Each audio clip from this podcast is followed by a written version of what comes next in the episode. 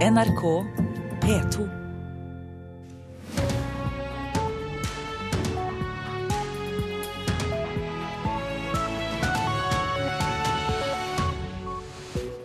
Her kan du bli med oss videre i Nyhetsmorgen og disse sakene. Grønne avgifter er ikke så viktige, sier finsk investor som vil bygge fabrikk for biodrivstoff i Norge. Mange kjøkken er brannfarlige. Monteringsbransjen må rydde opp i slurv, mener sikkerhetsselskap. Vi skal snakke om de nye bestevennene, Tyrkia og Russland, og hvilke følger det kan få for EU og Nato. Og nok en gang mislyktes Magnus Carlsen, hørte vi, i å avgjøre et sjakkparti i VM. Vi skal se nærmere på det sjakkpartiet han så ut til å kunne vinne. Her i studio, Øystein Heggen, og først til Magnus Carlsen, som nok en gang spilte remis mot russiske Sergej Karjakin i natt. NRKs eh, sjakkekspert mener Magnus Carlsen ville vunnet nattens stilling i 99 av 100 tilfeller, men nok en gang mislyktes verdensmesteren i å avgjøre partiet. Det ser også veldig bra ut. Løper mot springer, og i tillegg leder med en bonde, så kommer han til å vinne dette partiet. Det er jeg helt sikker på. For andre dag på rad hadde Magnus Carlsen en stor fordel. Den norske verdensmesteren var i ferd med å cruise inn til VMs første seier i nattens fjerde parti mot russiske Sergej Karjakin. Ja, overtaket i dag er eh, enda mer overbevisende enn det var eh, i går. Men for andre dag på rad mislyktes Carlsen i å sette inn nådestøtet mot en utslitt og presset russer. Både i går og i dag så har jeg jo da kastet bort, kastet bort gode muligheter til å vinne. og ja, Jeg vet jo ikke hvor mange sånne man får, men uh, det positive er at i hvert fall at jeg blir stående bedre i partiene mine. Vi har ikke grunn til å være misfornøyd, men det er eh, uventa at han ikke får hull på byllen med de overtakene han har i går og i dag. NRKs kommentator Torstein Bae var nesten helt sikker på at Carlsen skulle vinne. Men overraskende, også for han, endte det med remis i den fjerde kampen. I dag hadde han en teknisk vunnet stilling, det tror jeg ikke det er noen tvil om. At han eh, hadde et sånt overtak som han vinner i 99 av 100 partier. Jeg vil, vil gjerne finne en sikker måte å vinne på. Jeg trodde jeg hadde fått, det i dag. Ehm, jeg trodde jeg hadde funnet det, eh, men det viste seg at han hadde en festning som jeg for så vidt på en måte hadde sett, men som jeg ikke kunne tro var sann. Så ofte så har jeg på en måte klart å akkurat bryte ned sånne type festninger, men i dag så fant jeg ikke noen måte å gjøre det på. Så jeg brant meg på, på det i dag. Og det er hviledag i VM-duellen i eh, New York i dag. Kampene fortsetter i morgen. Reporter var Iqbal Ali Iqbar eh, Tahir. Norske politikere krangler om grønne avgifter på veitrafikken, men en finsk investor sier at avgiftene ikke er så viktige. Det er allerede nok kutt i fossile utslipp i Norge til at Mika Antonen i energiselskapet ST1 vil bygge en fabrikk for biodrivstoff her i landet. Uh, definitely we are going forward with, uh, with our investment. There is already big enough mandate in uh, Norway, and we try to cover that mandate in the future with Norwegian origin fuels, because I think our customers they appreciate that the, the, the fuel is coming from their own forest. Vi skal gjøre Norge grønnere, sier styrelederen for det finske energiselskapet ST1, som er mest kjent for bensinstasjoner her til lands. Men med norske partnere vil Mika Antonens selskap bygge fabrikk for biodrivstoff på tuftene av Norske Skog på Follum i Buskerud. Og det til tross for at stortingspolitikerne krangler friskt om grønne skatter i budsjettoppgjøret. Subsidies and tax benefits especially, they are quite difficult from investment point of view, because you disappear. For Stortinget har allerede vedtatt å doble innblandingen av biomasse i drivstoffet mot 2020. Det er viktigere enn avgifter og skatter for en investor, sier Antonen. That's enough uh, to invest. Uh, if, the, if we do see the clear mandate that how much Norway would like to cut uh, uh fossil uh, that's good enough for us. We don't need any tax benefits. Både Venstre og Arbeiderpartiet mener nå biomassekravet i drivstoff må øke mye mer enn Stortinget vedtok før sommeren. Eh, jeg tror det blir krevende nok å nå de målene vi har satt oss, fordi det finnes ikke så veldig mye biodrivstoff tilgjengelig i Norge i dag. Men det viktige er å peke ut en retning og vise at det er denne veien vi skal. Og Høyres Nikolai Astrup sier det åpenbart er behov for mer vidtgående krav til bruk av biomasse i drivstoff etter hvert. Han leder transport- og kommunikasjonskomiteen på Stortinget. Men når det er sagt, så eh, kan vi ikke dekke all etterspørselen vår etter drivstoff gjennom biodrivstoff. Så vi er nødt til også å satse på elektrisitet, eh, på hydrogen og på andre alternativer i tillegg. Men det som er viktig, er å ha langsiktige, gode rammevilkår, og ikke gjøre som det som skjedde under den rød-grønne regjeringen, hvor man plutselig innførte biodieselavgift, og to anlegg som akkurat skulle åpne, ble stengt isteden.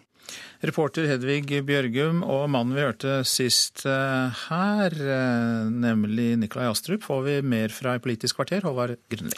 Ja, det gjør vi. Astrup han skal få møte Senterpartiet til debatt om eh, drivstoff. Og enda heitere enn diskusjonen om innblanding av biodrivstoff er jo diskusjonen om avgifter på tradisjonell bensin og diesel.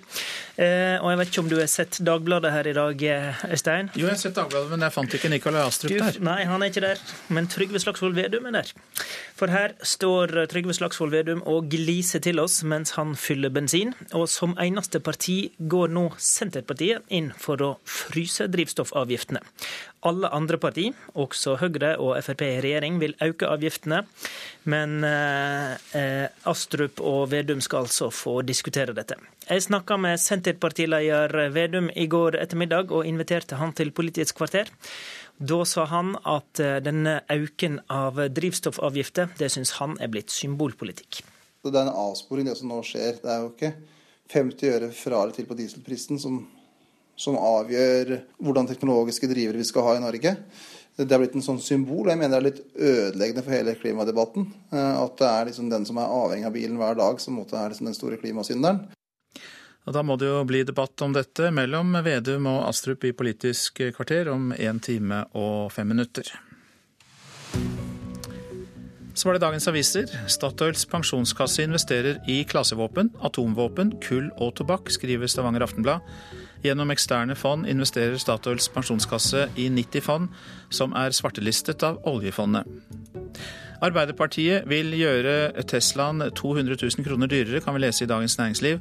Partiet ønsker et tak på avgiftsfritak for elbiler og Tesla er et eh, veldig morsomt leketøy for menn som er veldig interessert i bil, sier finanspolitisk talskvinne i Arbeiderpartiet, Marianne Martinsen. Lutherår 2017 blir en dansk folkefest, men det blir bare seminar i Norge, skriver Vårt Land. Danske myndigheter er tungt inne i feiringen av 500-årsjubileet for reformasjonen, men i Norge har staten overlatt markeringen til kirken, og det er en skam, sier historieprofessor Steinar Imsen. Det er ikke plass til EØS-tilhengere i Nei til EU, sier Maren Holte Hedne til Nasjonen. Nå trekker hun seg fra vervet som ungdomsrepresentant, etter at Nei til EU har gjort et nytt vedtak mot EØS-avtalen. Senterpartiet vil kutte i skatten for folk flest, det er oppslaget i eh, Dagsavisen. I forslaget til statsbudsjett eh, skal alle med under 750 000 kroner i inntekt få kutt. De som eh, trenger det mest, får de minst kvalifiserte lærerne, sier Barneombudet til Aftenposten. Spesialundervisningen er tilfeldig og uten mål og mening, sier barneombud Anne Lindboe. Norge kjøper seg fri fra klimakutt med regnskogmilliarder, skriver Klassekampen. Regjeringen jobber for mer kvotehandel på klimatoppmøtet i Marrakech, selv om miljøvernminister Vidar Helgesen tidligere har sagt at æraen med å kjøpe seg fri fra klimaforpliktelser er forbi. Nordlys forteller om verdens eldste Verdens eldste skal det ikke være, men verdens eneste elsjark. Bent Gabrielsens fiskebåt går på strøm og smyger seg lydløst ut på storhavet fra Vanna på Karlsøy i Troms. Og når fisken er levert, stikker Gabrielsen sjarken i en stikkontakt og går hjem. Vil lage nytt fisketorg. Bergensavisen skriver om eiendomsutvikler Roger Iversen, som skal grave fram den gamle Sukkerhusbryggen for å gjøre fisketorget i Bergen til det det var ment å være. Og håper å bli ferdig med det til våren. Mange kjøkken er brannfarlige. Nå må monteringsbransjen rydde opp. Det mener elsikkerhetsselskapet Infratech. I forrige uke fortalte NRK om Geir Hystad, som pga. håndverksslurv har vært uten kjøkken i snart to måneder. Det er jo ikke bra. Det er jo selvfølgelig synd for kunden som havner opp i en sånn situasjon. Kjøper en eh, profesjonell tjeneste, og da forventer du at alt er etter det. Feilene gjør Tommy Skauen oppgitt. Han er administrerende direktør i Infratech elsikkerhet. Her har de montert vinkeljern som stekeovnen skal hvile på, helt ned av bunnplate. Det fortalte Geir Hystad fra Hobøl til NRK i forrige uke. Han er svært misfornøyd med kjøkkenet som han kjøpte hos Elkjøp og fikk montert opp av selskapet Krena. Dette har bare vært et eneste stort mareritt.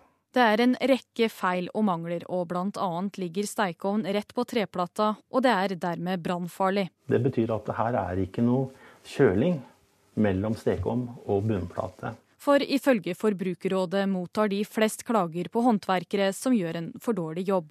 Nå mener Skauen at bransjen må rydde opp, mange kjøkken er brannfarlige. Det verste er jo brann. Og faren med brann i et hjem er jo at det kan ta fyr når du har gått og lagt deg, og så skjer det om natta. Han forteller om mange ulike erfaringer når de gjennomfører tilsyn på private bolighus og hos bedrifter. Vi opplever mye forskjellig. Eh, vi har mange seriøse montasjefirmaer og installatører. Eh, men dessverre også mye av det som ikke er verken fagmessig utført eller lovlig virksomhet. Nei, Det syns jeg ikke noe om. For det svarer Per Svanes i Fredrikstad brannvesen. Alle som er eh, godkjente montører, de skal gjøre dette riktig. I fjor starta 60% av alle boligbranner i husholdningsapparater på kjøkkenet. Det viser tall fra Direktoratet for samfunnssikkerhet og beredskap.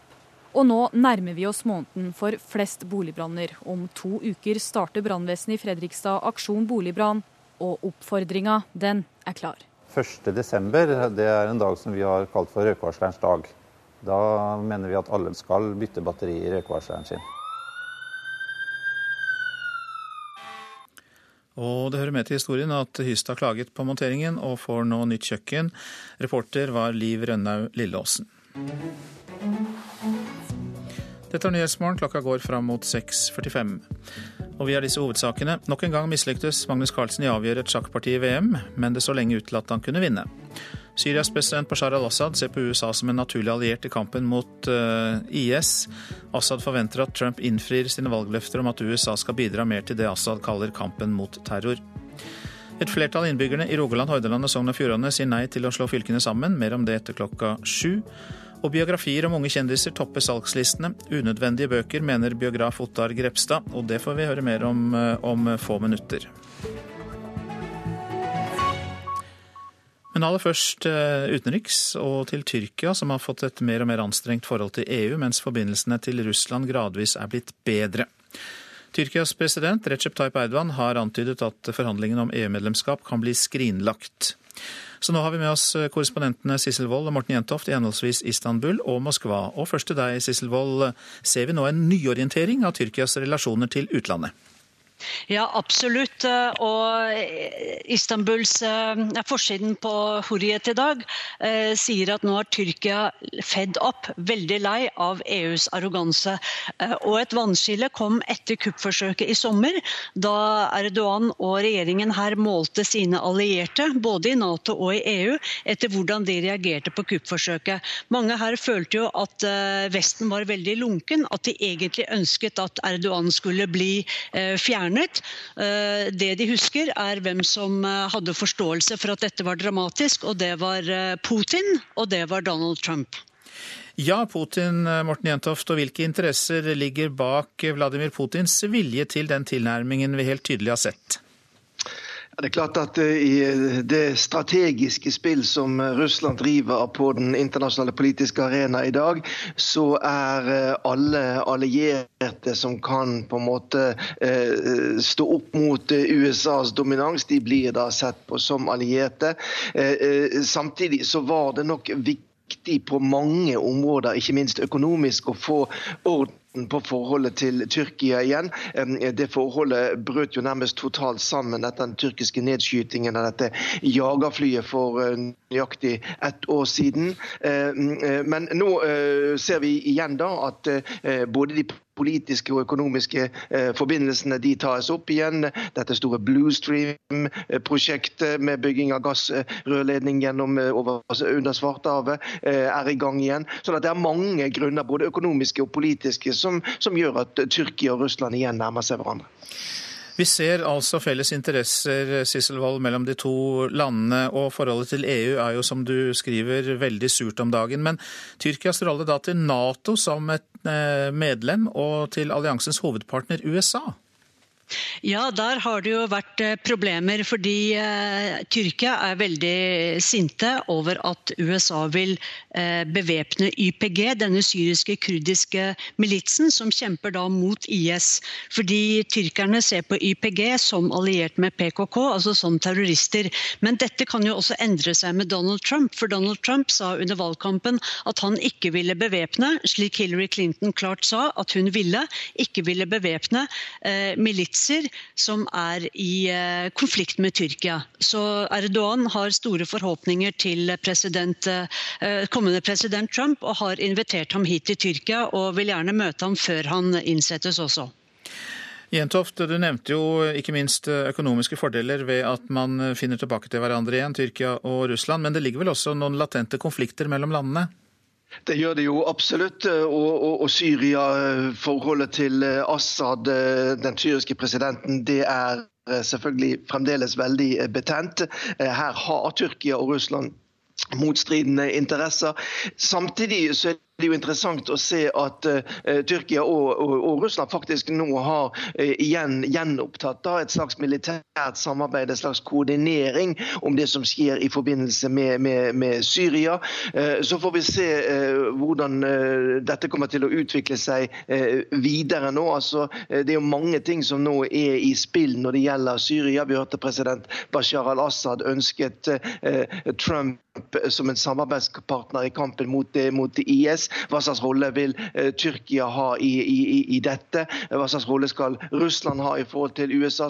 Så Her er det mange ting som, som flyter akkurat nå. og Det er interessant å se at uh, russerne og tyrkerne nå snakker sammen. Den tyrkiske statsministeren Binali Yildirim han skal jo møte president Vladimir Putin i begynnelsen av desember.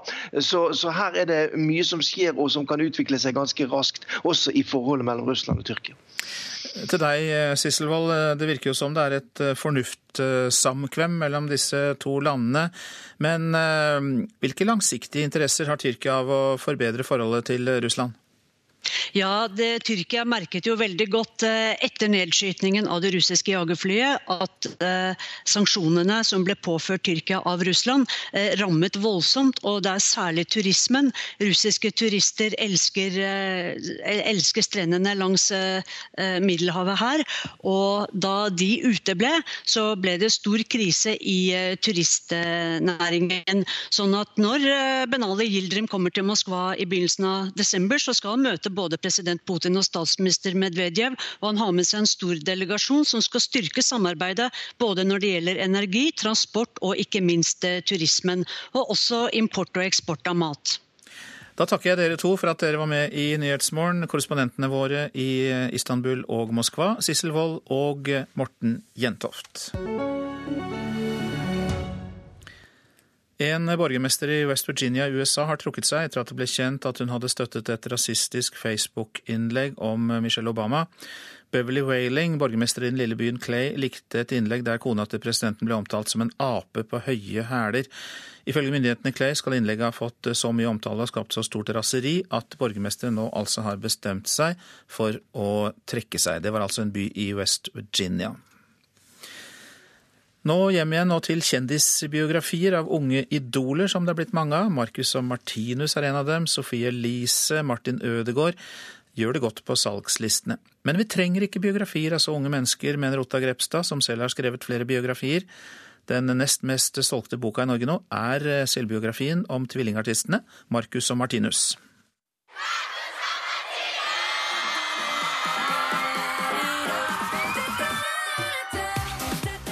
Tenåringsartistene Marcus og Martinus har god grunn til å juble. Sjølbiografien til 14-åringene, kalt Vår historie, ligger på andreplass på Bokhandlerforeningas bestselgerliste over generell litteratur, tett etterfulgt av bloggeren Sofie Elise.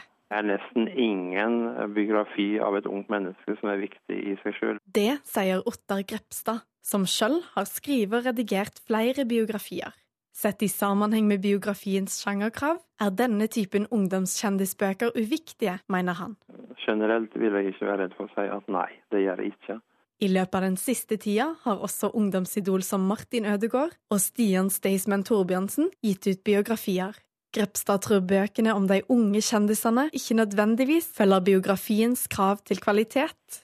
Fortellinga om dette mennesket eh, og den samtida dette mennesket levde i, skal være viktig for ettertida. Det krever eh, solid refleksjonsevne, altså. Og det er vel ikke det som preger en del av disse mer lettvinte biografiene. Grepstad anerkjenner de unges interesse for disse bøkene, men tror titlene først og fremst er laga for å selge. Det gjør forlagene fordi de håper de skal eh, tjene penger på det. Juritzen forlag har ikke sparra på kruttet når de gir ut selvbiografien til artisttvillingene Marcus og Martinus. Det første opplaget på rekordstore 60 000 bøker går godt allerede. For oss var dette først og fremst en drøm som gikk i oppfyllelse da vi fikk eh, gi ut den boka. Det er to gutter som er utrolig talentfulle. Det sier Sigbjørn Vedeld, PR-sjef i Juritzen forlag. Vi ser jo at det er en bok som går veldig godt, så det er jo ikke noen skade i hvert fall. Dere tenker ikke at det er litt prematurt for to 14-åringer å gi ut en selvbiografi? Nei, det syns ikke jeg. Det er to gutter som har en ekstrem popularitet, og som har en kjempegod historie å fortelle. De har opplevd så masse allerede. Daglig leder i foreningen Les, Wanda Woldner, syns generelt det er bra at det kommer flere bøker i denne sjangeren for unge. Woldner understreker likevel at disse bøkene må holde god kvalitet for at unge skal ville lese videre. De kjøper jo ofte ikke boka selv. Og det som er skummelt, er hvis vi tar det kvalitetsbehovet her lettvint, så ser vi at en tante kjøper inn nok en fotballbok fordi at de så nevøen sin være interessert i Zlatan, og så får han da en dårlig lettvint bok, og da slutter han å lese. Det er en kjempeutfordring. Reporter her, Ruth Einervold Nilsen. Mange mener den er uetisk og makaber, men nå kommer utstillingen Body Worlds Vital til Vitenskapsmuseet i Trondheim. Den omstridte utstillingen består av døde menneskekropper som er plastinert, og den er nå vist over 100 byer over hele verden. Nå kommer den altså for første gang til Norge, og direktør ved Vitenskapsmuseet i Trondheim, Reidar Andersen, er forberedt på reaksjoner. Vi får eh, 13 helstørrelseskropper i ulike positurer. Altså alt fra sjakkspilleren til skiløperen. Og så er det da et hundretalls eller to eh, organer i tillegg som er med å visualisere de forskjellige delene. De har gjort grundig forarbeid og sjekka alt det etiske foran sommerens store satsing.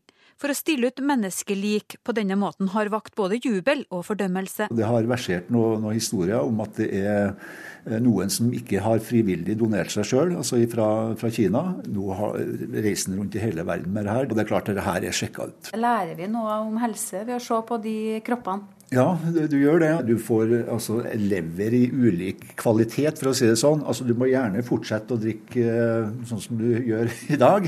Eh, da får du en sånn lever. Vandreutstillinga til den tyske legen Gunther von Hagens er sett av mer enn 40 millioner mennesker. Det er han som oppfant plastinasjonsteknikken som er brukt, og målet er å vise menneskets anatomi. Det er i samarbeid med Vitensenteret og Det kongelige norske vitenskapers selskap at de har lykkes med å få utstillinga til Trondheim.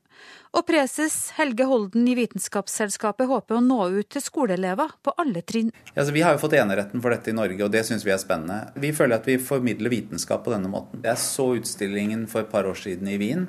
Jeg var helt utrolig imponert. Jeg var fullstendig fascinert. Nettopp fordi at du ser mennesker i aksjon, og så ser du hvordan ser musklene ut, hvordan ser kroppen ut da. Når, det, når, den gjør noe som vi alle gjør, enten sparke en ball eller hoppe eller spille eller noe sånt. Og det syns jeg gjorde et utrolig inntrykk. Så vårt uh, mål er jo at uh, så mange mulige av elever i Midt-Norge eller i Norge skal komme og se den. Alle medisinerstudenter i Norge skal selvfølgelig se den her. Det tar vi for gitt. Utstillingen vil fylle to hele etasjer når den åpner i juni, og blir stående i fire måneder.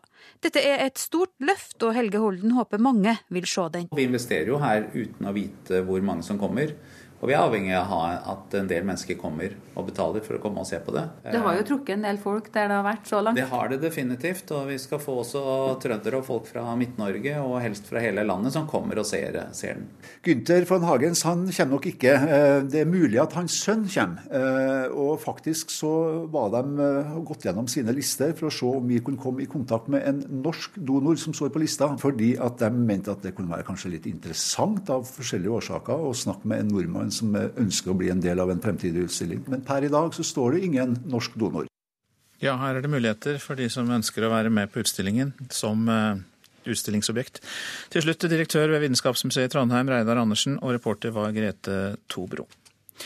Nintendo-aksjen gjorde et hopp på over 5 i dag, etter at det ble kjent at en Super Mario-app for iPhone blir tilgjengelig om en måneds tid. Etter suksessen med Pokémon Go-spillet for mobiltelefoner tidligere i år, har aksjen i Nintendo steget med over 50 Så var det været. Østafjells og i fjellet, sørlig kuling i fjellet, seinere også på kysten. Til kvelden dreiende vestlig. Litt regn som passerer fra vest, snø i høyereliggende strøk.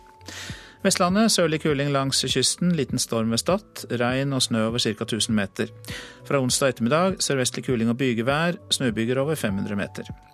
Trøndelag sørøstlig stiv kuling utsatte steder og oppholdsvær. Om kvelden sørvestlig kuling langs kysten og litt regn. Snø i høyden. Høyt tidevann fra Sogn til Rørvik. 50 cm over tabell. Nordland sørlig stiv kuling på kysten, enkelte regnbyger, snø på toppene. Om kvelden sørøstlig stiv eller sterk kuling, utsatte steder, men stort sett opphold. Troms og Finnmark sørlig stiv kuling utsatte steder. Etter hvert minkende vind. Nord sludd eller regnbyger i Troms, men ellers opphold. Spitsbergen østlig stiv kuling utsatte steder. Minkende vind til kvelden. Perioder med regn eller sludd. Snø i høyden. Og så tar vi med oss temperaturene målt klokka fire i natt. Svalbard lufthavn pluss tre. Kirkenes minus én. Så kommer det plussgrader. Vardø to. Alta tre. Tromsø-Langnes fem. Bodø og Brønnøysund begge sju. Trondheim-Værnes seks. Molde fem. Bergen-Flesland og Stavanger begge åtte. Kristiansand, Kjevik og Gardermoen begge to. Og det var minus én på Lillehammer, akkurat som på Røros, minus én. Og så var det Oslo-Blindern med én plussgrad. Nyhetsmorgen fortsetter med disse sakene. Hva kan gjøre bedriftene enda grønnere og dessuten tjene på det? Vi spør leder av miljøstiftelsen Zero, Marius Holm. Innbyggerne sier nei til å slå vestlandsfylkene sammen, men Vestland har alt å tjene på en fylkessammenslåing, sier professor i konkurranseevne Torgeir Reve, som vi skal høre mer fra. Intern strid i Donald Trumps overgangsadministrasjon. Svigersønnen spiller en uformell rolle i teamet rundt den påtroppende presidenten. Og den norske regjeringen ønsker seg en frihandelsavtale mellom Norge og Canada. Ja, Én av tre norske bedrifter tjener altså på å være klimavennlige. Det viser en ny rapport for næringslivets hovedorganisasjon. Forskere mener utviklingen likevel går for sakte. Telenor sier grønne tiltak har lønnet seg for dem. Morgenrushet på Majorstuen T-banestasjon i Oslo. Å velge kollektivt er ikke alltid like behagelig. Her ser Telenor forretningsmuligheter. De har startet et pilotprosjekt sammen med Ruter og Smart City Bærum. På strekningen til og fra Fornebu skal de bruke anonymisert data for å finne ut av når og hvordan folk reiser. Det er stor etterspørsel etter denne type data, sier Anne Lene Næss, leder for Smart Digital i Telenor Norge. Med disse dataene så kan man faktisk forutsi at nå er det veldig mange mennesker som skal fra A til B. Og skal man sette opp ekstra tilbud akkurat i den perioden. Det gjør at det blir litt mer behagelig, og at man ikke tenker åh, den der var litt crowded, jeg orker ikke å ta trikken i morgen. Men for Telenor har det allerede lønnet seg å tenke grønt. Istedenfor å reise med bil og fly, så gjør vi faktisk møtene våre med videokonferanser og dokumentdeling. Det viser seg på bunnlinja både i forhold til at vi reduserer kost, men også at vi sparer tid. Og de er ikke alene. Én av tre bedrifter har tjent på klimavennlige tiltak. Det viser en ny rapport fra konsulentselskapet BCG for Næringslivets hovedorganisasjon. Kristin Skogen Lund, administrerende direktør i NHO, er fornøyd. Det er bra at det er så mange som allerede har konkrete resultater. For vi lykkes ikke med å redusere klimautslipp med mindre vi får det til å gå hånd i hånd med økonomisk vekst og lønnsomhet. Det stemmer godt med andre internasjonale resultater, der vi ser det at bedrifter som tar bærekraft på alvor, har høyere avkastning enn bedrifter som ikke gjør det. Sier Steffen Kalbekken, forskningsleder ved Cicero senter for klimaforskning. Utviklingen går i riktig retning, men for sakte, sier Kalbekken. Skal vi lykkes med våre egne ambisiøse mål, så trenger vi å få ned utslippene i Norge betydelig raskere enn vi gjør i dag. Sånn at Enten må næringslivet sjøl ta ansvaret ganske raskt jobbe mer aktivt med dette, eller så trenger man nok en del kraftigere lut fra myndighetene sin side for å være i nærheten av å nå våre egne mål. Ifølge rapporten ser to av tre bedrifter lønnsomme muligheter i grønne endringer. Næringslivet går foran, sier Skogenlund. Og jeg er enig at vi må ha både pisk og gulrot. Det må koste å forurense, og det må lønne seg å være klimavennlig. Men så er det det å bare få rett balanse. For hvis du legger bare på avgifter og gjør det tyngre sånn at man mister konkurransekraft, da lykkes vi ikke. Reportere var Milana Knesevic og Kristine Hirsti. Marius Holm, velkommen til deg. Takk. Du er daglig leder i miljøstiftelsen eh, Zero, og vi hørte altså at én av tre norske bedrifter tjener på å være klimavennlig. Er det en god start? Ja, det er jo en god start. Det er jo sånn at Fossil energi koster jo penger, det er ikke gratis. Så det er jo da sånn at når man kutter utslipp, så er det en mulighet for å spare penger. Men eh, vi skal nok ikke late som at dette går av seg sjøl. Nei, men eh, jeg er veldig spent på hvilke konkrete tiltak som kan gi høy gevinst, både for bedriftene og klimaet. Det er typisk energieffektivisering. da, altså at Man eh, har store bygg som bruker mye energi. Gamle, gamle bygg som er dårlig isolert. og Så kan man jo spare penger da hvis man gjør fornuftige tiltak med bygningsmassen. Solceller på taket kan f.eks. lønne seg, og det kan lønne seg å legge om transportmønster og kutte ut reiser, selvfølgelig. fordi det er jo ting som koster penger. men vi eh, skal jo huske på at når, når, disse tingene lønner seg, så kan det jo ha noe med å gjøre at eh, vi har jo litt klimapolitikk på plass allerede. Det lønner seg å kutte utslipp i transport fordi vi har jo avgifter allerede, men de er ikke høye nok til å, eh, til å få de utslippskuttene vi trenger. Så jeg tror jeg tror det er veldig viktig at næringslivet går foran. fordi det er først når næringslivet har vist hva som er mulig, at eh, politikerne tør å stramme til. Men så tror jeg vi må være helt ærlige på at eh, vi når ingen klimamål uten kraftige politiske virkemidler. Ja, Vi hadde jo et eh, innslag her tidligere om at avgiftene for så vidt er høye nok. Det var en finsk investor som sa det, og som skal etablere biodrivstoffabrikk i Norge. Kanskje avgiften er høye nok, at vi er der vi skal være?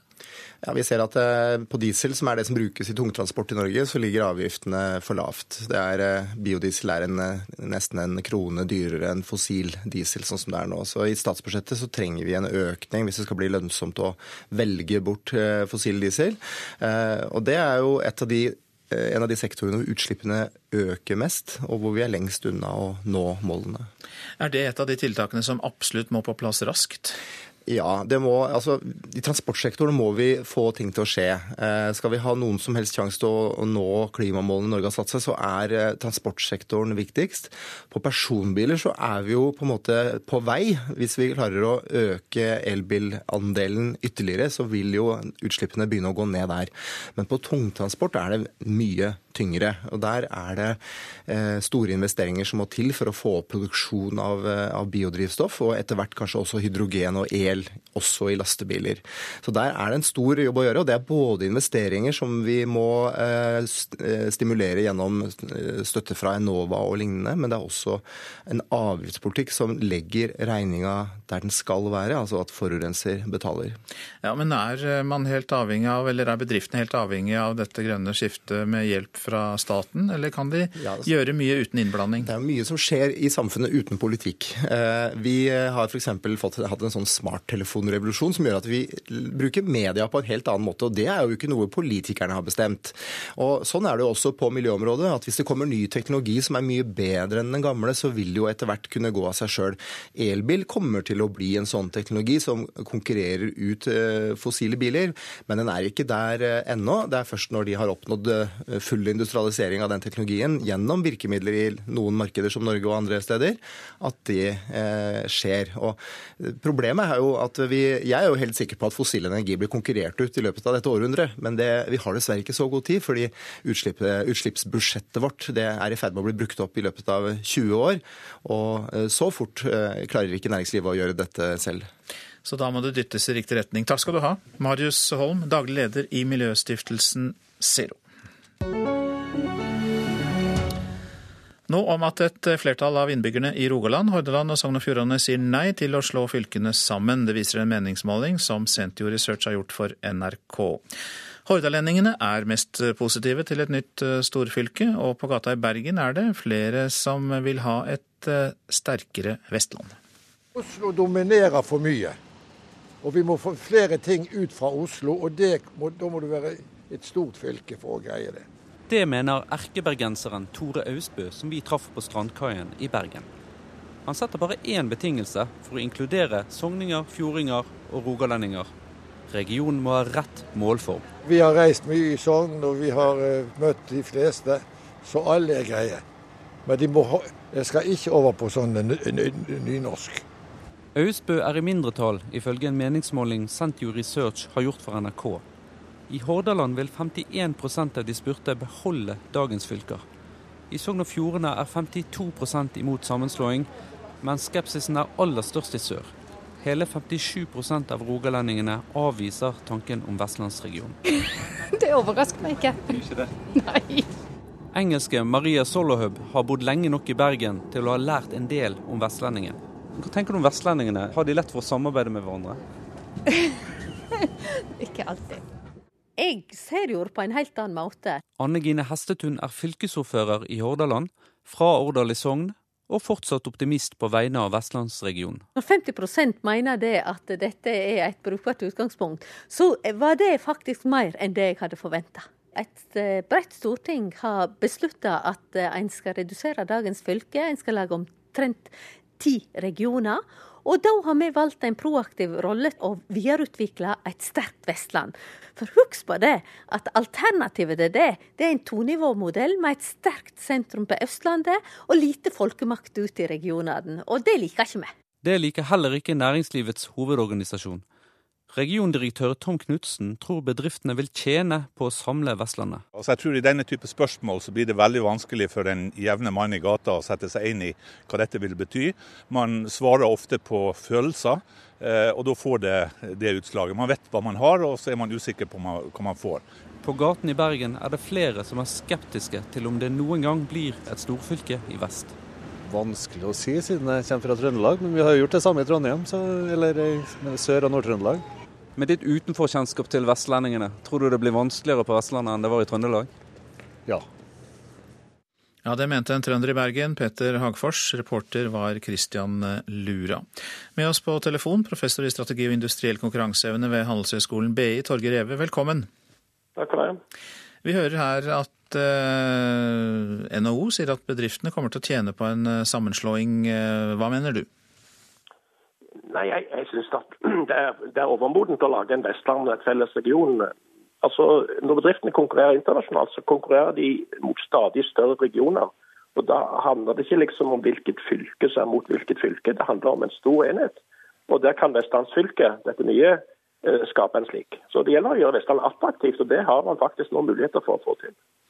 Men hvorfor er stor best? Vi har sett eksempler på Sunnmøre hvor eh, bedrifter på småsteder har gjort det riktig bra. Jo, Det handler om å få en, eh, det, en kritisk masse. Det gjelder å ha så mye næringsliv at, at det viser igjen. Uh, Sunnmøringen har vært veldig flinke til å skape en sånn kritisk masse. Nå er Vestlandet i en krise fordi at offshorenæringen svikter. Og Da er det på tide å tenke nytt. Vi skal skape nytt næringsliv på Vestlandet. og Da må vi ha et større arbeidsmarked, vi må ha større kunnskapsmiljøer. Og så må vi lære å samarbeide. Så Det handler også veldig mye om identitet. Det er ikke all verden fylkeskommunen betyr for næringslivet, men det handler om å ha en, en vestlandsidentitet som gjør at når vi drar ut i verden, så er det Vestland vi kommer fra. Så det er ikke bare det at man eh, rasjonaliserer, kanskje får mindre administrasjon, men det er også det å ha en følelse av en helhet, en identitet som går på Vestlandet og ikke på fylket? Jeg tror absolutt det, det man kan spare på administrasjon er, er relativt lite i forhold til det å, å, lage en region som blir mer attraktiv for bedrifter. Husk at Bedriftene kan flytte hvor som helst i verden, og nå trenger vi bedriftene på Vestlandet. Og Da gjelder det å ha noen motkrefter. Og, og Da gjelder det å ha sterke kunnskapsmiljøer, sterke næringslivsmiljøer og lære seg å samarbeide. Og Her tror jeg ikke Vestlandet er så verst når det kommer til stykket. Vi må bare bli kvitt fylkesgrensene. Men eh, tror du også at det kan spille inn at man trenger en uh, motkraft til eh, det sterke Østlandet, som noen av intervjuobjektene nevnte her? Absolutt. Nå bor jeg selv på Østlandet og ser hvordan Østlandet samler seg rundt Oslo og skaper store enheter. Så hvis vestlendingen skal eh, slippe å klage så mye i fremtiden, så må de lage en region som kan stå mot Østlandet. Men hva med folkemakta, hva med grasrota, Torgeir Reve? Vil ikke folk bli veldig små i en stor region? Nei, snart tvert imot. Jeg tror dem som faktisk vil tjene mest på dette, er Sogn og Fjordane, som har det svakeste næringslivet, som trenger å tildele noe større. Og disse meningsmålingene det er faktisk i overkant av hva jeg hadde ventet eh, folk eh, lokalt skulle si. Ja, så Når vi sier at eh, det er flertall imot, så er du positiv til at det tross alt er et så stort mindretall? Ja, dette er I forhold til det man får på kommunesammenslåinger, så dette er veldig positive tall. Så her er egentlig befolkningen på vei til å si ja. Mange takk skal du ha, Torgeir Reve, professor i strategi og industriell konkurranseevne ved Handelshøyskolen BI. Det er Nyhetsmorgen du lytter til. 7.16 er klokka. Vi har disse hovedsakene. Én av tre norske bedrifter tjener på å være klimavennlige, men ekspertene mener utviklingen går for sakte.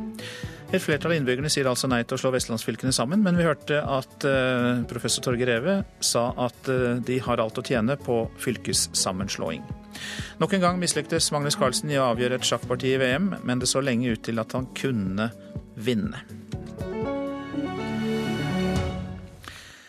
En hel eh, verden venter nå på de første utnevnelsene til Donald Trumps regjering, fordi det er stor usikkerhet om hva slags politikk han kommer til å føre som president. Mange trodde at utenriksministeren skulle vært klar i går, men det skjedde likevel ikke, kan USA-korrespondent Gro Holm fortelle. Ja, For et døgn siden så trodde de fleste her at den nye utenriksministeren ville bli New Yorks tidligere borgermester, nå advokat og forretningsmann Rudy Giuliani. Og det trodde de ikke minst fordi han eh, kvelden før, eh, i et foredrag hos Wall Street-topper, hadde gjort det klart at det var den jobben han kunne tenke seg. Og fordi han har vært så veldig lojal mot Trump i innspurten av valgkampen, så regnet alle med at da ville han få den. Men så kom det opplysninger om at han hadde hatt litt vanskelig forretningsforbindelse bl.a. til et oljeselskap i Venezuela Venezuela. Veldig eh, mange andre forretningsforbindelser i utlandet eh, som eh, kunne det gjøre vanskelig med habiliteten eh, med han som utenriksminister. Eh, og Da falt vi blikket på de andre igjen, da, bl.a. John Bolton, tidligere FN-ambassadør. Men han er jo ekstremt motstander av Putin og kritisk til Russland, så det vil vel kanskje ikke være så enkelt for, eh, for Trump det heller. Og når folk gikk fra jobben her og fra Trump-tover seint i sent i kveld så var det fullt kaos inne i eh, overgangsadministrasjonen til Donald Trump, eh, rapporterer folk som har gode kilder der. Ja, også denne overgangsadministrasjonen, dette teamet ble jo ledet av eh, Chris Christie, som fikk sparken like etter valget, og så tok visepresident Mike Pence over. Og hvor vanlig er det? Helt uvanlig, fordi det er veldig strenge prosedyrer på hvordan sånne ting skjer. Chris Christie hadde jo undertegnet en masse dokumenter sammen med president eh, Obamas overgangsteam. Eh, de dokumentene gjaldt jo ikke lenger da han fikk sparken, og det var ikke bare han. Det var også en, i hvert fall fem andre personer, bl.a. Eh, en, en tidligere general som hadde ansvaret for sikkerhetspolitikken. Og I stedet så overtok da visepresident Mike Pence, og først seint i i går ettermiddag fikk han undertegnet de samme papirene som gjør at arbeidet kan fortsette. Og Dessuten så eh, er det maktkamp eh, innad. Eh, svigersønn til Donald Trump Jared Kushner, han som er gift med Ivanka, han skal være selve arkitekten blant mye av den uroen som eh, foregår nå internt. og Han, eh, han var også den som da gjerne ville ha Chris Christie ut, og, og spiller da en rolle som ikke er formell, men som visstnok skal visstnok ha veldig mye makt internt i det som skjer nå. Midt oppi alt dette, Gro Holm, når er det da ventet at eh, vi får vite hvem som får den viktige jobben som utenriksminister? Ja, Nå vet man ikke. Eh, nå har eh, overgangsteamet til Trump vært så å si handlingslammet. De har ikke fått eh, utnevnt noen som helst i går. Så om det blir før helgen, det vet vi ikke. Det virker nå som det er fullt kaos internt. Trump har jo bedt om at hans tre eldste barn blir sikkerhetsklarert. Hvilken rolle kommer de til å spille? Ja, alle de tre eldste barna sitter jo i dette overgangsteamet, en komité på 16 mennesker. Eh, og de har sagt at de skal ut av, eh, av Trumps indre krets for å drive videre eh, forretningsimperiet. Men det rimer jo dårlig med at det blir sikkerhetsklarert. For hvis de samtidig skal, hvis de både skal drive businessen videre og sikkerhetsklareres, så kommer, fort, kommer de fort opp i habilitetsproblemer. Og det virker som om Trump selv og barna hans ikke ordentlig har tenkt over denne situasjonen. Eh, han snakket om å opprette en såkalt blind trust, altså at noen helt uavhengige Det er vanlig å tenke at helt uavhengige mennesker da skal drive forretningsimperiet videre, men det Trump mente med det, var egentlig at barna hans skulle lede den blinde trøsten. Og det, er, eh, og det går ikke. Det er helt feil. Så her er det mye eh, som må læres av mange. Gro Holm fra Washington DC, som jeg snakket med før sendingen vår begynte. Regjeringen her hjemme ønsker en frihandelsavtale mellom Norge og Canada. Etter at EU og Canada inngikk den nye frihandelsavtalen CETA for to uker siden, er norske selskaper svekket i konkurransen. Det sa EU-minister Elisabeth Wiik Aspaker da hun møtte NRK i Brussel i går. Norge er i dag avstengt fra flere deler av markedet i Canada, som EU får tilgang til nå. Det er et mål for oss å få eh, Norge-Canada-handelsavtalen på nivå med den avtalen som er inngått mellom Canada og EU. Så Det betyr at man skal gå inn i en prosess nå med å få en konkurransedyktig frihandelsavtale med Canada. Med Storbritannia på vei ut av EU, og med Trump som kanskje skroter den nesten ferdigforhandlede frihandelsavtalen mellom USA og unionen, er det mye usikkerhet, og mye av det politiske snakket handler om handel i korridorene til EU-kommisjonen og EU-rådet i disse dager. Forsvarerne av frihandel og globalisering sliter i motvind. CETA-avtalen mellom EU og Canada fikk en trang fødsel og ble inngått på overtid etter at den fransktalende belgiske regionen Wallonia la ned veto og hindret Belgia ifra å si ja til avtalen.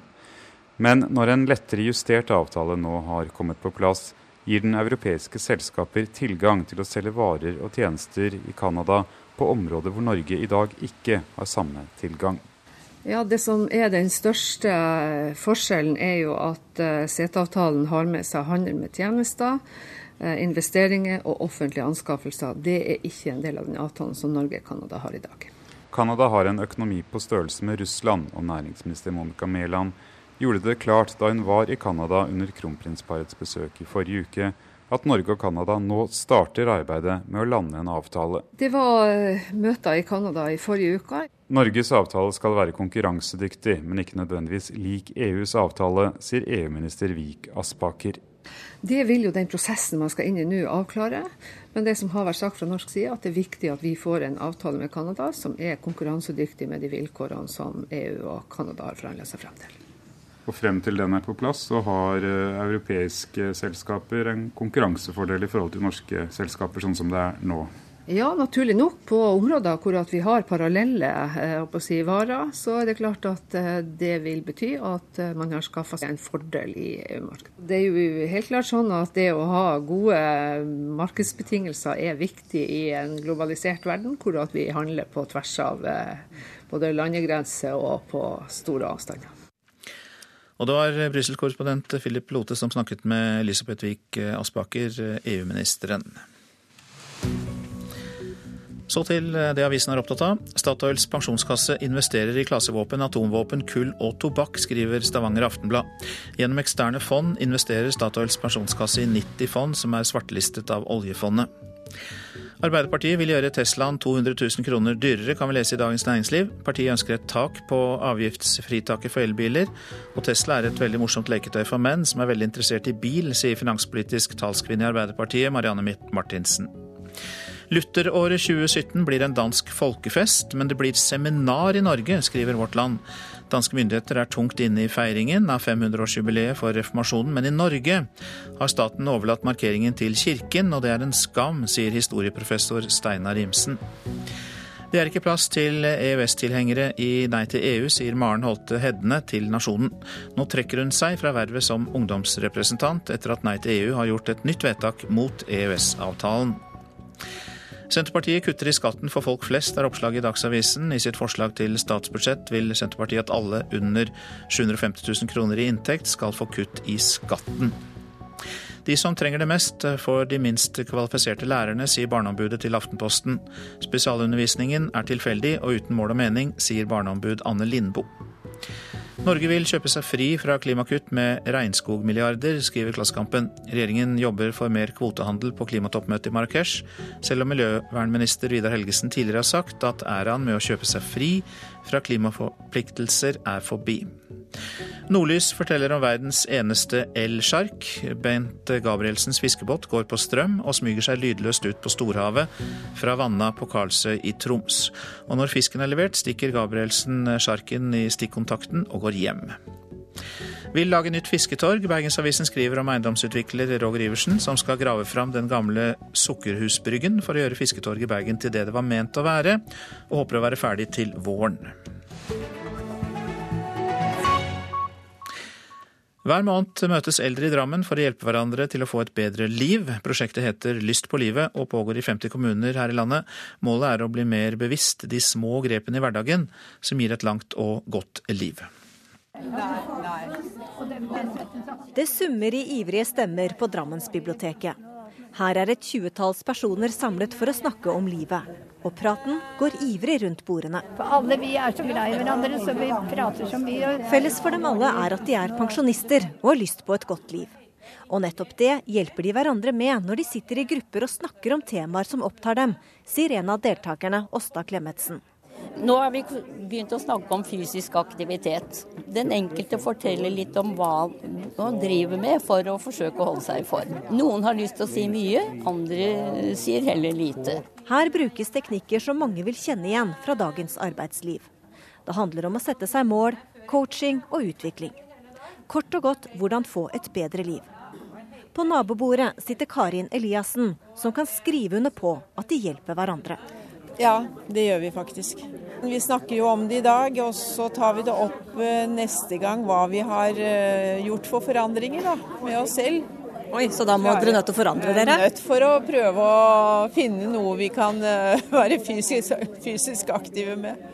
Og det Å gå er jo en veldig fin om man klarer det. Det er jo ikke alle som klarer det i vår alder. Gå rundt spisebordet hjemme da, vet du. Ja, det gjør jeg av og til. Ja, det, det går jo også. Du, dette er jo teknikker som man bruker i arbeidslivet. For at en arbeidstaker skal kunne sette seg et mål og jobbe målbevisst og bli flinkere og mer effektiv osv. Eh, hvorfor driver dere med det? Dere er jo pensjonister og kunne tatt livet med ro. Ja, men du vet det er mange ting som vi har gått glipp av også. Så glemmer vi saker, og vi glemmer fort, vet du. Så vi må ta det opp igjen. igjen og igjen. Det er viktig å Gule lapper, sier jeg da. Det er et triks. Gule lapper, ja. Det, ja. Skrive opp ting er nok veldig lurt. Men eh, det er viktig eh, å være fysisk aktiv. Det, det er det. Rundt 50 kommuner holder på med dette arbeidet som har fått navnet Lyst på livet. Og det var via lærings- og mestringssenteret at Drammen også ble med. Forebyggende sykepleier Jorunn Haneseth sier at dette har en effekt. Det som er veldig viktig, det er jo nettopp det å forebygge istedenfor å behandle. Og det er jo noe av det som er konseptet også i Lyst på livet. Målet er å, å, å, å sette fokus på hva kan jeg gjøre for å ivareta den helsen jeg har. Kanskje ta noen grep som jeg ikke har gjort. Komme i gang med det jeg har tenkt på lenge, og det er det flere som gjør. Eh, og kommunen ja, altså Målet er jo hvordan kan jeg leve lengst mulig i eget hjem og ha det best mulig. Og nå håper Åsta Klemetsen og de andre deltakerne at flere melder seg på. Du kan si at de som kommer hit, det er de, det er de som er eh, opptatt av ting rundt seg, og som leser om hva som skal skje, og sånne ting. Det var nok mange vi gjerne skulle hatt tak i, som vi ikke når. Men nå har vi holdt på en stund. Kanskje det sprer seg om seg. Hjelp av munn-til-munn-metoden. Og så får vi flere brukere etter hvert. Åsta Klemetsen sa det til reporter Benedikte Fjelly i Drammen, altså. Du lytter til Nyhetsmorgen, produsent Kari Bekken Larsen, her i studio Øystein Heggen. Etter Dagsnytt skal vi til Melania Trumps hjemsted i Slovenia i den reportasjen vi sender da. Og så er det Senterpartiets alternative statsbudsjett som skal opp til debatt mellom Trygve Slagsvold Vedum og Høyres Nikolai Astrup i Politisk kvarter. Frir Senterpartiet til bilistene, er et av spørsmålene som stilles.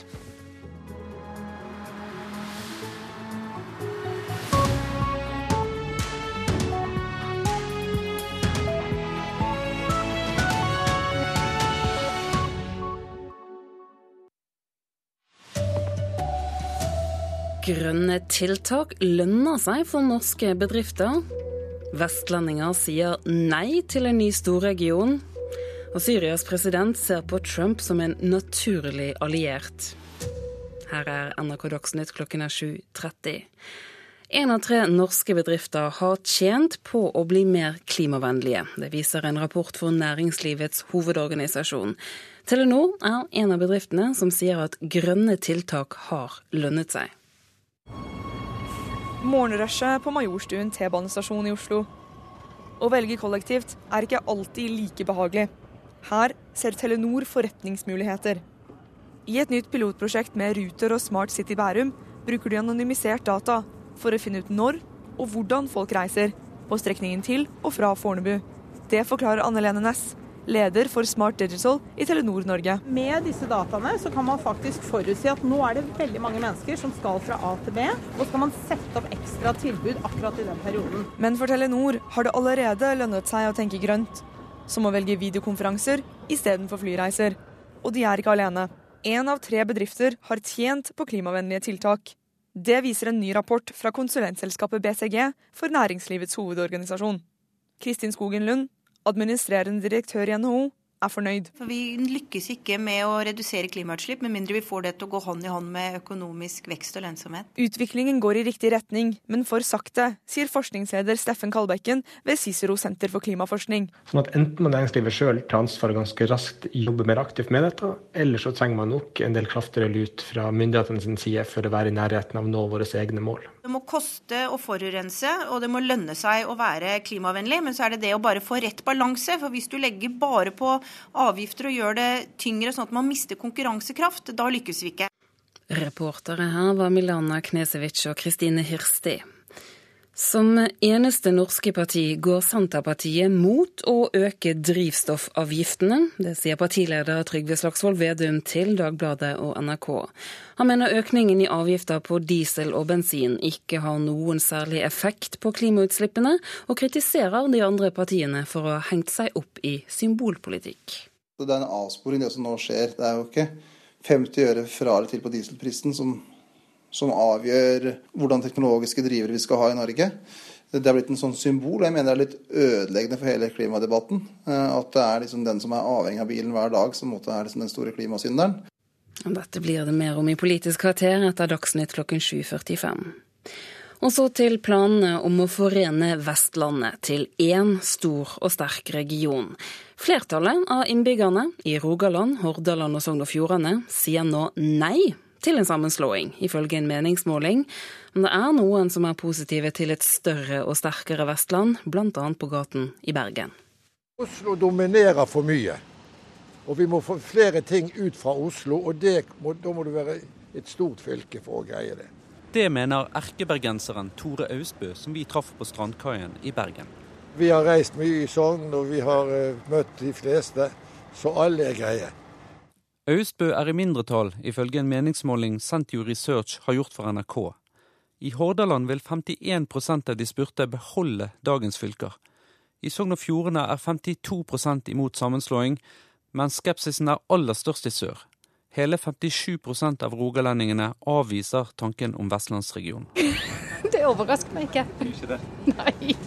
Engelske Maria Solohub har bodd lenge nok i Bergen til å ha lært en del om vestlendingen. Hva tenker du om vestlendingene? Har de lett for å samarbeide med hverandre? Ikke alltid. Når 50 mener det at dette er et brukbart utgangspunkt, så var det faktisk mer enn det jeg hadde forventa. Anne Gine Hestetun er fylkesordfører i Hordaland, og fortsatt optimist på vegne av vestlandsregionen. Alternativet til det, det er en tonivåmodell med et sterkt sentrum på Østlandet og lite folkemakt ut i regionene. Og det liker ikke vi. På gaten i Bergen er det flere som er skeptiske til om det noen gang blir et storfylke i vest. Vi har gjort det samme i Trondheim, så, eller i Sør- og Nord-Trøndelag. Med ditt utenforkjennskap til vestlendingene, tror du det blir vanskeligere på Vestlandet enn det var i Trøndelag? Ja. Og reporter her var Christian Lyra. En mann i 20-årene er pågrepet og siktet for drap etter at en person ble funnet død i en bolig i Asker i Akershus i går kveld.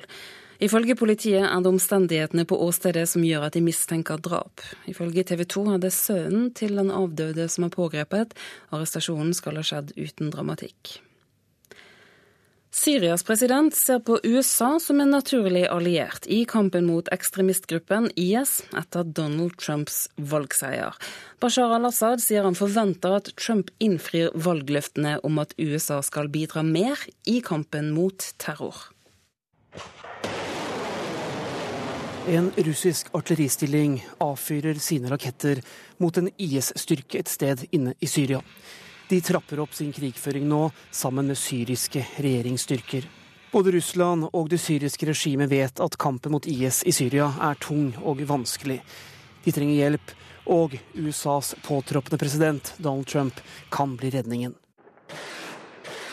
Under valgkampen var Trump klar på at han som president i USA ville trappe opp kampen mot IS. Det er ventet at det betyr økt militær innsats både i Syria og Irak. Kampene inne i Syria pågår igjen for fullt. Men Syrias president Bashar al-Assad sier at han nå ser på USA som en naturlig alliert etter løftene fra Donald Trump. Assad forventer at USA deltar i kampen mot IS sammen med russiske og syriske regjeringsstyrker. Den syriske presidenten mener det nå blir opp til Donald Trump å vise at han mente alvor under valgkampen. Sa reporter Eirik Veum. Regjeringen ønsker en frihandelsavtale mellom Norge og Canada. Etter at EU og Canada inngikk en ny handelsavtale for to uker siden, er norske selskaper svekket i konkurransen. Det sa EU-minister Elisabeth Wiik Aspaker da hun møtte vår korrespondent i Brussel. Norge er utestengt fra deler av det canadiske markedet som EU nå får tilgang til. Det er et mål for oss å få eh, Norge-Canada-handelsavtalen på nivå med den avtalen som er inngått mellom Canada og EU. Så Det betyr at man skal gå inn i en prosess nå med å få en konkurransedyktig frihandelsavtale med Canada. Forsvarerne av frihandel og globalisering sliter i motvind. CETA-avtalen mellom EU og Canada fikk en trang fødsel og ble inngått på overtid. Men når en lettere justert avtale nå har kommet på plass, gir den europeiske selskaper tilgang til å selge varer og tjenester i Canada på områder hvor Norge i dag ikke har samme tilgang. Ja, Det som er den største forskjellen, er jo at eh, CETA-avtalen har med seg handel med tjenester, eh, investeringer og offentlige anskaffelser. Det er ikke en del av den avtalen som Norge og Canada har i dag. Canada har en økonomi på størrelse med Russland, og næringsminister Monica Mæland gjorde det klart da hun var i Canada under kronprinsparets besøk i forrige uke, at Norge og Canada nå starter arbeidet med å lande en avtale. Det var eh, møter i Canada i forrige uke. Norges avtale skal være konkurransedyktig, men ikke nødvendigvis lik EUs avtale, sier EU-minister Vik Aspaker. Det vil jo den prosessen man skal inn i nå avklare. Men det som har vært sagt fra norsk side, at det er viktig at vi får en avtale med Canada som er konkurransedyktig med de vilkårene som EU og Canada har forhandla seg frem til. Og reporteren var Philip Lote. Og så til sjakk-VM, der Magnus Carlsen nok en gang har spilt remis mot russiske Sergej Kajakin i natt. NRKs sjakkekspert mener Magnus Carlsen ville ha vunnet nattens stilling i 99 av 100 tilfeller, men nok en gang mislyktes verdensmesteren i å avgjøre partiet. Det ser også veldig bra ut. Løper mot springer, og i tillegg leder med en bonde, så kommer han til å vinne dette partiet. Det er jeg Helt sikker på. For andre dag på rad hadde Magnus Carlsen en stor fordel. Den norske verdensmesteren var i ferd med å cruise inn til VMs første seier i nattens fjerde parti mot russiske Sergej Karjakin, men for andre dag på rad mislyktes Carlsen i å sette inn nådestøtet mot en utslitt og presset russer. Både i går og i dag så har jeg jo da kastet bort, kastet bort gode muligheter til å vinne. og ja, Jeg vet jo ikke hvor mange sånne man får, men uh, det positive er at i hvert fall at jeg blir stående bedre i partiene mine. Vi har ikke grunn til å være misfornøyd, men det er eh, uventa at han ikke får hull på byllen med de overtakene han har i går og i dag. NRKs kommentator Torstein Bae var nesten helt sikker på at Carlsen skulle vinne. Men overraskende, også for han, endte det med remis i den fjerde kampen. Jeg vil, vil, gjerne finne en sikker måte å vinne på. Jeg trodde jeg hadde fått det i dag. Ehm, jeg trodde jeg hadde funnet det, ehm, men det viste seg at han hadde en festning som jeg for så vidt på en måte hadde sett, men som jeg ikke kunne tro var sann. Så ofte så har jeg på en måte klart å akkurat bryte ned sånne type festninger, men i dag så fant jeg ikke noen måte å gjøre det på. Så jeg brant meg på, på det i dag. Reporter Ali Iqbal Tahir. Ansvarlig for Dagsnytt, Anne Skårseth. I studio, Turi Grønbekk.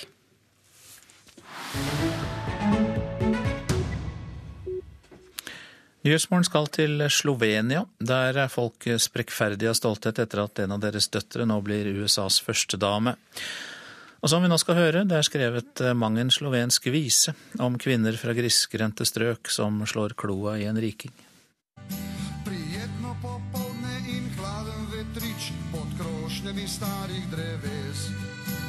Klopca v gaju, prstenje v maju, poslušava ptiče žgolet. Når lindentrea blomstrar er en slovensk sang fra 1990. Den handler om ei kvinne som finner seg en rik mann. Klassisk slovensk polkarock med inspirasjon fra nabolandet Østerrike. Det var altså i den nordligste Jugoslavia-republikken Melania Knaus vokste opp. Faren var en lokal forretningsmann med den obligatoriske svarte Mercedesen. Han hadde nære bånd til partiet, og fikk den betrudde stillinga som selger av statsproduserte bilmerker som Jugo og Sastava. Jugoslavia var ikke kommunistisk, hevder slovenerne. De var demokratiske sosialister, motstykket til sosialdemokratiet. Altså, staten eide fabrikkene, men folket var ikke sperra inne. De kunne reise jorda rundt med Tito sitt pass, og Knaus-familien hadde penger til å reise til Italia, Frankrike og Tyskland. Kanskje var det i sommerferiene modelldrømmen til Melania Trump ble født. Barndomsheimen hennes ligger i idylliske Sevnica, ei mil fra grensepasseringa der vi i fjor så hundretusenvis av desperate flyktninger strømme inn. Nå er journalistene tilbake. Flyktningene har de glemt. Denne gang handler det om å finne røttene til USAs nye førstedame. Mange har skuffa funnet ut at foreldra hennes ikke er hjemme, men i trygg forvaring i Trump Tower på Manhattan. I mangel av noe annet lager New York Times bildegalleri av funkisvillaen til foreldre. Og på rekke og grad har stolte naboer blitt intervjua. Og selvsagt en sprekkferdig borgermeister. Som mener journalistene er i overkant fordomsfulle mot Donald Trump. Selv den venstre-radikale filosofen Slavoj Sisek har vansker med å si noe stygt om Trump. And I don't think really Trump er bare et symbol på den generelle samfunnsutviklinga, mener Sisek. Donald Trump was unflatteringly compared to a man who noisily defecates in the corner of a room. With, uh, I claim, but are others really any better? Det vi må spørre oss om, er rivalene til Trump så mye bedre? mener Melania Trumps landsmann Slavoj Zizek. Nå skal det sies at gode kjelder i Lubliana kan bekrefte at det foregår en god del garderobeprat om Melania Trump for tida. Samtidig er det jo en del av den slovenske folkloren, disse historiene om bygdejenter som lar seg lokke av penger, som i sangen fra 1990.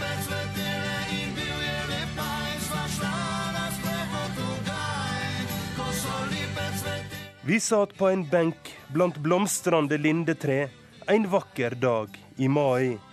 Og jeg lover deg paradis.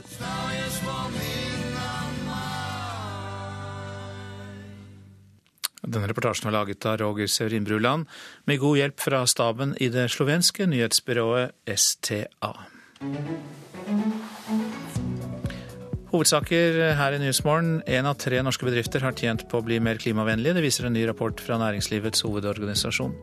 Syrias president Bashar al-Assad sier USA kan være en alliert i kampen mot IS. Assad forventer at Donald Trump innfrir sine valgløfter om at USA skal bidra mer i kampen mot terror. Nok en gang mislyktes Magnus Carlsen i å avgjøre et sjakkparti i VM, men det så lenge ut til at han kunne vinne. Og et flertall av innbyggerne sier nei til å slå vestlandsfylkene sammen, men Vestlandet har alt å tjene på en fylkessammenslåing. Det mener Torgeir Reve, professor i konkurranseevne ved BI. Håvard Grønli nå er programleder i Politisk kvarter.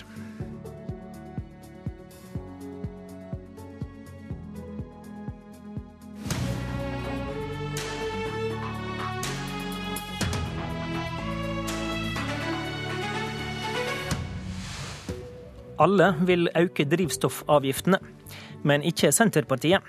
I dag smiler Sp-leder Vedum til oss fra bensinpumpa, og sier at hans politikk er å fryse bensin- og dieselprisen. Er dette et grønt parti? Eller er det først og fremst et parti som liker å plage regjeringspartiene på områder der det smerter? I møterommet på Stortinget, der de fire borgerlige samarbeidspartiene sitter, er grønt skifte og drivstoffavgifter de hardeste nøttene. Regjeringa har foreslått 35 øre per liter i dieselauke og 15 øre på bensin. KrF og Venstre vil ha dette vesentlig opp. Også Arbeiderpartiet overgår regjeringa i dieselavgiftauke. Men du går altså mot strøms, Senterpartileder Trygve Slagsvold Vedum. Hvorfor skal ikke drivstoffavgiftene opp? Vi vil eh, bare videreføre dagens eh, avgiftsnivå. Altså Hvis du ser på regjeringas politikk totalt, så har regjeringa sentralisert på alle områder. Du har sett det på politi, du har sett det på sykehus, du har sett det på offentlige arbeidsplasser rundt omkring i hele landet. Handler dette også om sentralisering, altså? Ja, klart det gjør det. For det er, det er én fellesnevner for regjeringas politikk, at alt som kan smerte Distrikts-Norge, det gjennomfører man. Eh, og kjører på. Så Vi har sett det i diskusjonen om offentlige tjenester. Ensidig sentralisering. Og så ser vi det i skatte- og avgiftspolitikken. Akkurat det samme. At man nå innfører en høyere bensin- og dieselpris som ikke har noen klimaeffekt. Det er jo Transportøkonomisk institutt sagt. Det kan ha marginal effekt. Men det gjør at mange som da er helt avhengig av bil, for det er man i store deler av Norge, de skal betale mer i, i avgifter. Mens da Høyres kjernetropper, de 50 rikeste i Norge, har fått akkurat like mye skattekutt, altså ca. 1 milliard kroner. Så vi mener det er feil at eh, de som står og fyller bensin, diesel, skal betale mer avgifter fordi at Høyres kjernetropper skal få en milliard i skattelette. Men er det et mål for deg å få ned CO2-utslipp, da? Ja, vi, har sånn, vi, har en klimapakke på over 4 milliarder kroner i vårt eh, budsjett. Vi har et mål om at uh, norsk transportsektor skal være fossilfri i 2030. Og så setter vi inn de tungste virkemidlene der det er størst utslipp. Fordi at i tungtransporten er det to ganger så høye utslipp som i ordinær biltrafikk, når du regner med skipsfart, når du regner med fly. Så der setter vi inn veldig tunge virkemidler. Vi foreslår et høyere omsetningskrav på biodrivstoff i norsk bilsektor. Jo, men det er viktig at man gjør tiltak som faktisk virker. Og Det som er skummelt med den diskusjonen om 40 eller 50 øre mer eller mindre på dieselprisen, er at det har blitt liksom den store debatten om norsk klimapolitikk. Det er en avsporing. Vi må diskutere de reelle utfordringene, ta tak i det, og ikke gjøre klimapolitikk den diskusjonen om å plage folk som er avhengig av bil hver dag. Men, men la, gå at, la, gå at, du eh, mener det ikke har så stor effekt, da, men du vil ha fryste drivstoffavgifter, du vil ha reduserte bompenger i distriktene, slik som regjeringa vil ha. Du vil ha et bedre pendlerfradrag. Du legger jo til rette for mer kjøring. Hvordan får det CO2-utslippene ned. Men poenget er at Vi må jo ha en politikk for Norge. Vi kan ikke ha en politikk bare for Oslo sentrum. Trenger vi mer kjøring? Nei, altså poenget er at altså, Folk må jo kjøre på jobb når de skal på jobb. Folk må jo levere i barnehagen de skal levere i barnehagen. De må på butikken når de skal i butikken. Så vi kan ikke ha en avgiftspolitikk og norsk politisk debatt som bare er tilpassa de som bor i Oslo sentrum. Der må vi ha én politikk, og der mener vi at det er rett med mer veiprising som får ned trafikkbildet i, i de største byene. Får ned luftforurensninga der. Og så må vi ha en politikk også for resten av landet. Og da kan vi ikke bare kjøre drivstoffavgiftene opp til himmels, fordi at det er en stor, stor andel av Norges befolkning som er 100 avhengig av bil hver bidige dag. Og Det er ikke noe moralsk feil, det er helt nødvendig for at vi skal okay. få Norge til å gå rundt. Nikolai Astrup fra Høyre, leder i transportkomiteen på Stortinget, og fra, fra Oslo Høyre og Tesla-eier og alt som som Vedum ikke høres ut som han liker. Nei, det er ikke alle som har råd til å kjøpe Tesla, og derfor må vi ha en avgiftspolitikk for de som ikke har råd til å kjøpe Tesla også. Hans poeng er altså at dette råker de som bor i distriktene og ikke har noe valg.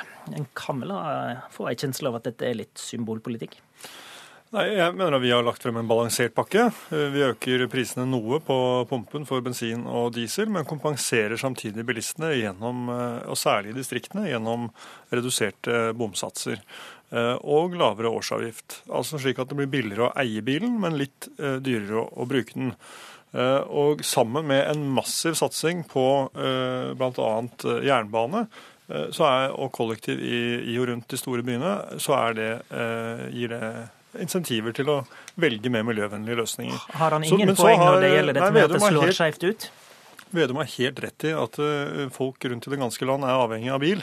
Eh, og Derfor må vi jo sørge for at det er lønnsomt når folk kjøper ny bil, at de kjøper så miljøvennlig bil som mulig. Og Det har jo regjeringen og samarbeidspartiene gjort noe med de siste årene. Eh, ved å gradvis endre bilavgiftene, slik at det blir mer lønnsomt å kjøpe miljøvennlige biler enn det det var tidligere. Og Resultatet er at mens man satte rekord i salg av antall dieselbiler da Vedum satt i regjering, så setter vi nå rekord i salg av antall el- og lavutslippsbiler. Så det er positivt. Det går i riktig retning. Poenget med litt av problemet også for Vedum er jo at det er ikke noe tvil om at fra 1.1 med Vedums opplegg så blir det eh, mer lønnsomt eh, å frakte gods på vei enn på bane, sammenlignet med regjeringens opplegg. Og jeg tror heller ikke distriktene er interessert i enda flere trailere Okay, du, du, får på, bare på du får bare forklare det for lytterne. da. Hvorfor blir det det? Nei, det er klart, eh, Alt annet like så blir det eh, de satsingene Vedum gjør på jernbanen, som er meget beskjedne, slik de også var da han satt i regjering, de, eh, de kommer til å ta mange år å gjennomføre. Mens eh, prisen på pumpen eh, den, den gjør det mer attraktivt å frakte gods på vei sammenhengt med bane fra 1.1. Vedum. Altså, vi har satt av 250 millioner mer til elektrifisering av jernbane og lage mer krysningsspor, for det er nå den mest effektive så det vi kan gjøre for å klare å få mer gods over bane. Spesielt å elektrifisere de siste dieseldrevne jernbanestrekningene. Det er veldig god politikk. Vi har også eh, både i fjor og år lagt stimuleringsordninger som gjør at vi skal få gods over fra vei til bane. Og så er det, men Et poeng i starten av Astrup sitt resonnement var at det skal være billigere å eie og ikke å bruke bil. Men for mange... mange... er det motsatte. Ja, men Poenget er at for mange av oss så er det ikke noe poeng å eie bilen hvis ikke bruker den. Altså, det, Noen har råd til å ha mange biler og kan eie dem, men noen av oss kjøper bil fordi vi faktisk skal bruke den. Og Hvis du bor sånn som der jeg bor på Ilseng, f.eks., så må du bruke bil.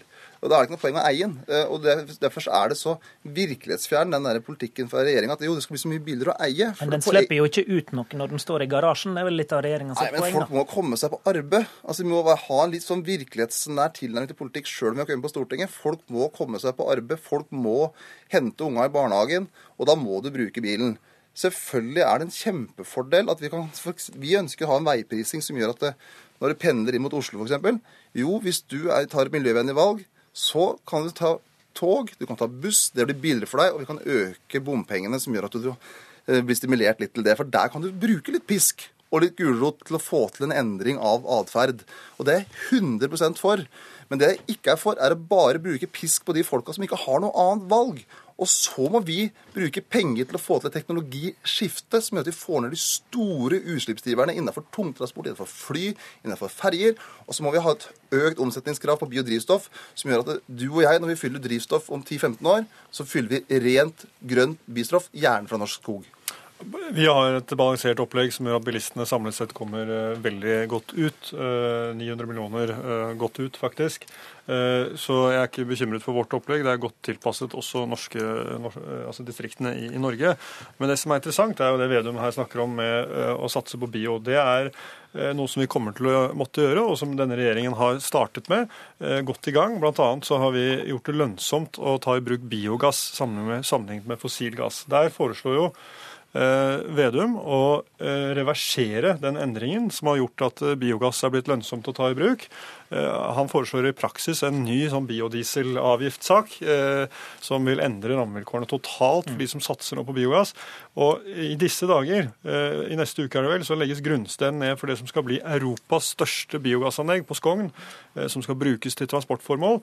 Og hvis Vedum får gjennomslag for sitt budsjett, så er det kroken på døren for den type satsing. Fordi, Så- fordi i ditt budsjett så styrker dere bruk av vanlig gass, altså lastebiler og busser som går på, Og det- på dette.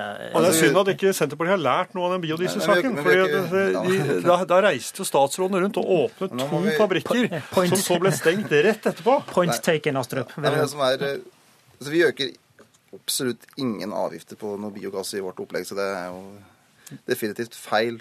Og vi legger også opp i vårt eh, opplegg en mer penger til stimuleringsordning til å legge om til biogass. Grunnen for at vi da har utsatt den innføringa av avgift på LPG og LNG, da, en annen type gass, det er fordi at vi ønsker å bygge opp en infrastruktur for gass rundt omkring i hele Norge, og at vi tror det gjør det lettere å få et stort marked på biogass fort. Så hele tankegangen vår er jo å fase ut LPG, da, som da er fossil gass. Men vi er opptatt av at de som har bygd opp det, skal ha en forutsigbarhet, og at vi kan fase inn biogass der med fullt trøkk i stort volum. For det hele vårt mål er at en norsk bilsektor, norsk transportsektor, skal være fossilfri i 2030. Men så må vi ha forutsigbarhet i politikken, og så må vi sørge for at det blir lønnsomt. Greit. Når det gjelder den, eh, det drivstoffet de fleste av oss bruker, Vedum, så er jo regjeringspartiene i en politisk situasjon der de er nødt til å innfri krav fra KrF og Venstre om de skal overleve. Mener du regjeringspartiene burde sagt nei? Jeg mener jo at det er en fullstendig ødelegging av klimadebatten når liksom det store klimadebatten i Norge er skal det være 50 øre mer eller mindre på drivstoffprisen, når alle i ærlighetens navn vet at det betyr marginalt. Men Ap vil også øke, Jo, jo, men altså det- og du, hvis du skal påvirke et budsjett i framtida, så vil du antageligvis være avhengig av dem. Ja, altså- da er vel det her ren populisme? Jeg har sett at vi har, har fått kritikk av eh, regjeringspartiene nå at det, når Senterpartiet satt i regjering, så økte drivstoffavgiftene mindre enn når Frp og Høyre sitter i regjering. Men vi har, gjorde jo det fordi vi har en virkelighetsnær politikk der vi ser hele Norge og tenker at Norge er mer enn Oslo sentrum. Og det må vi også tenke Er ikke dette framover. bare mer for å plage regjeringspartiene, lurer jeg på? Nei, det er en linje for over tid for oss. Men det vi er opptatt av, er å bruke gulrot, stimulere til teknologiskifte, få, få satt norsk natur i arbeid. Eh, Men ikke bare øke avgift for avgiften sin skyld. Og jeg tror det er ødeleggende for klimadebatten hvis liksom nå ja, La oss si på slutten av uka da, så får den økt dieselprisen med 20 eller 30 øre til. Så kan da Venstre si å nei, nå har vi fått en kjempeseier for miljøet, når man i realiteten vet at det ikke betyr noen ting. Og det tror jeg er dumt, at man har gjort miljødebatten så snever. Men, men det er ikke eksempel- sant at det ikke betyr noen ting. Det betyr litt, bitte eh, litt har Transportøkonomisk Ja, institutt bekrefta. Og er det egentlig noe som be betyr mer enn ei eh, stor omlegging på sikt Altså, det, er jo, det, er så, det er jo ingen krise, det som ligger fra regjeringa Men jeg er så uenig i den fordelinga. Fordi at nå skal de ca. ta inn 1 milliard kroner mer fra de som er avhengig av å kjøre bil. Og så de, har de gitt ca. 1 milliard kroner til de 50 rikeste i Norge. Astrup. Og det er en så feil profil. Og det er det politikk handler om slutt til helhet. Og der er helheten så gæren. For det er konsekvent de som bor litt utover de største byene som tar regninga, mens Høyres kjernetropper har fått bonusen. De som tar regningen for deres opplegg, er jo dere skal øke skatten med mange milliarder for små og mellomstore bedrifter i Distrikts-Norge også. Jeg tror ikke de blir spesielt fornøyd med deres skatteopplegg.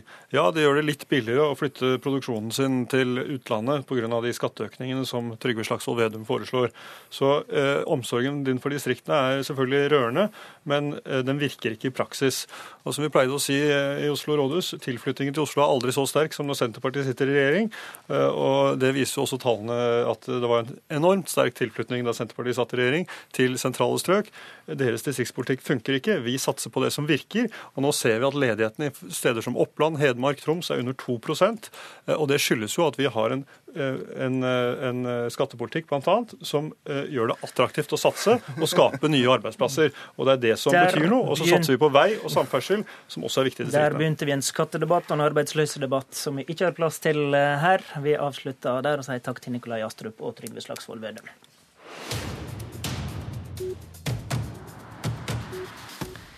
Kommer det til å bli en ny vestlandsregion?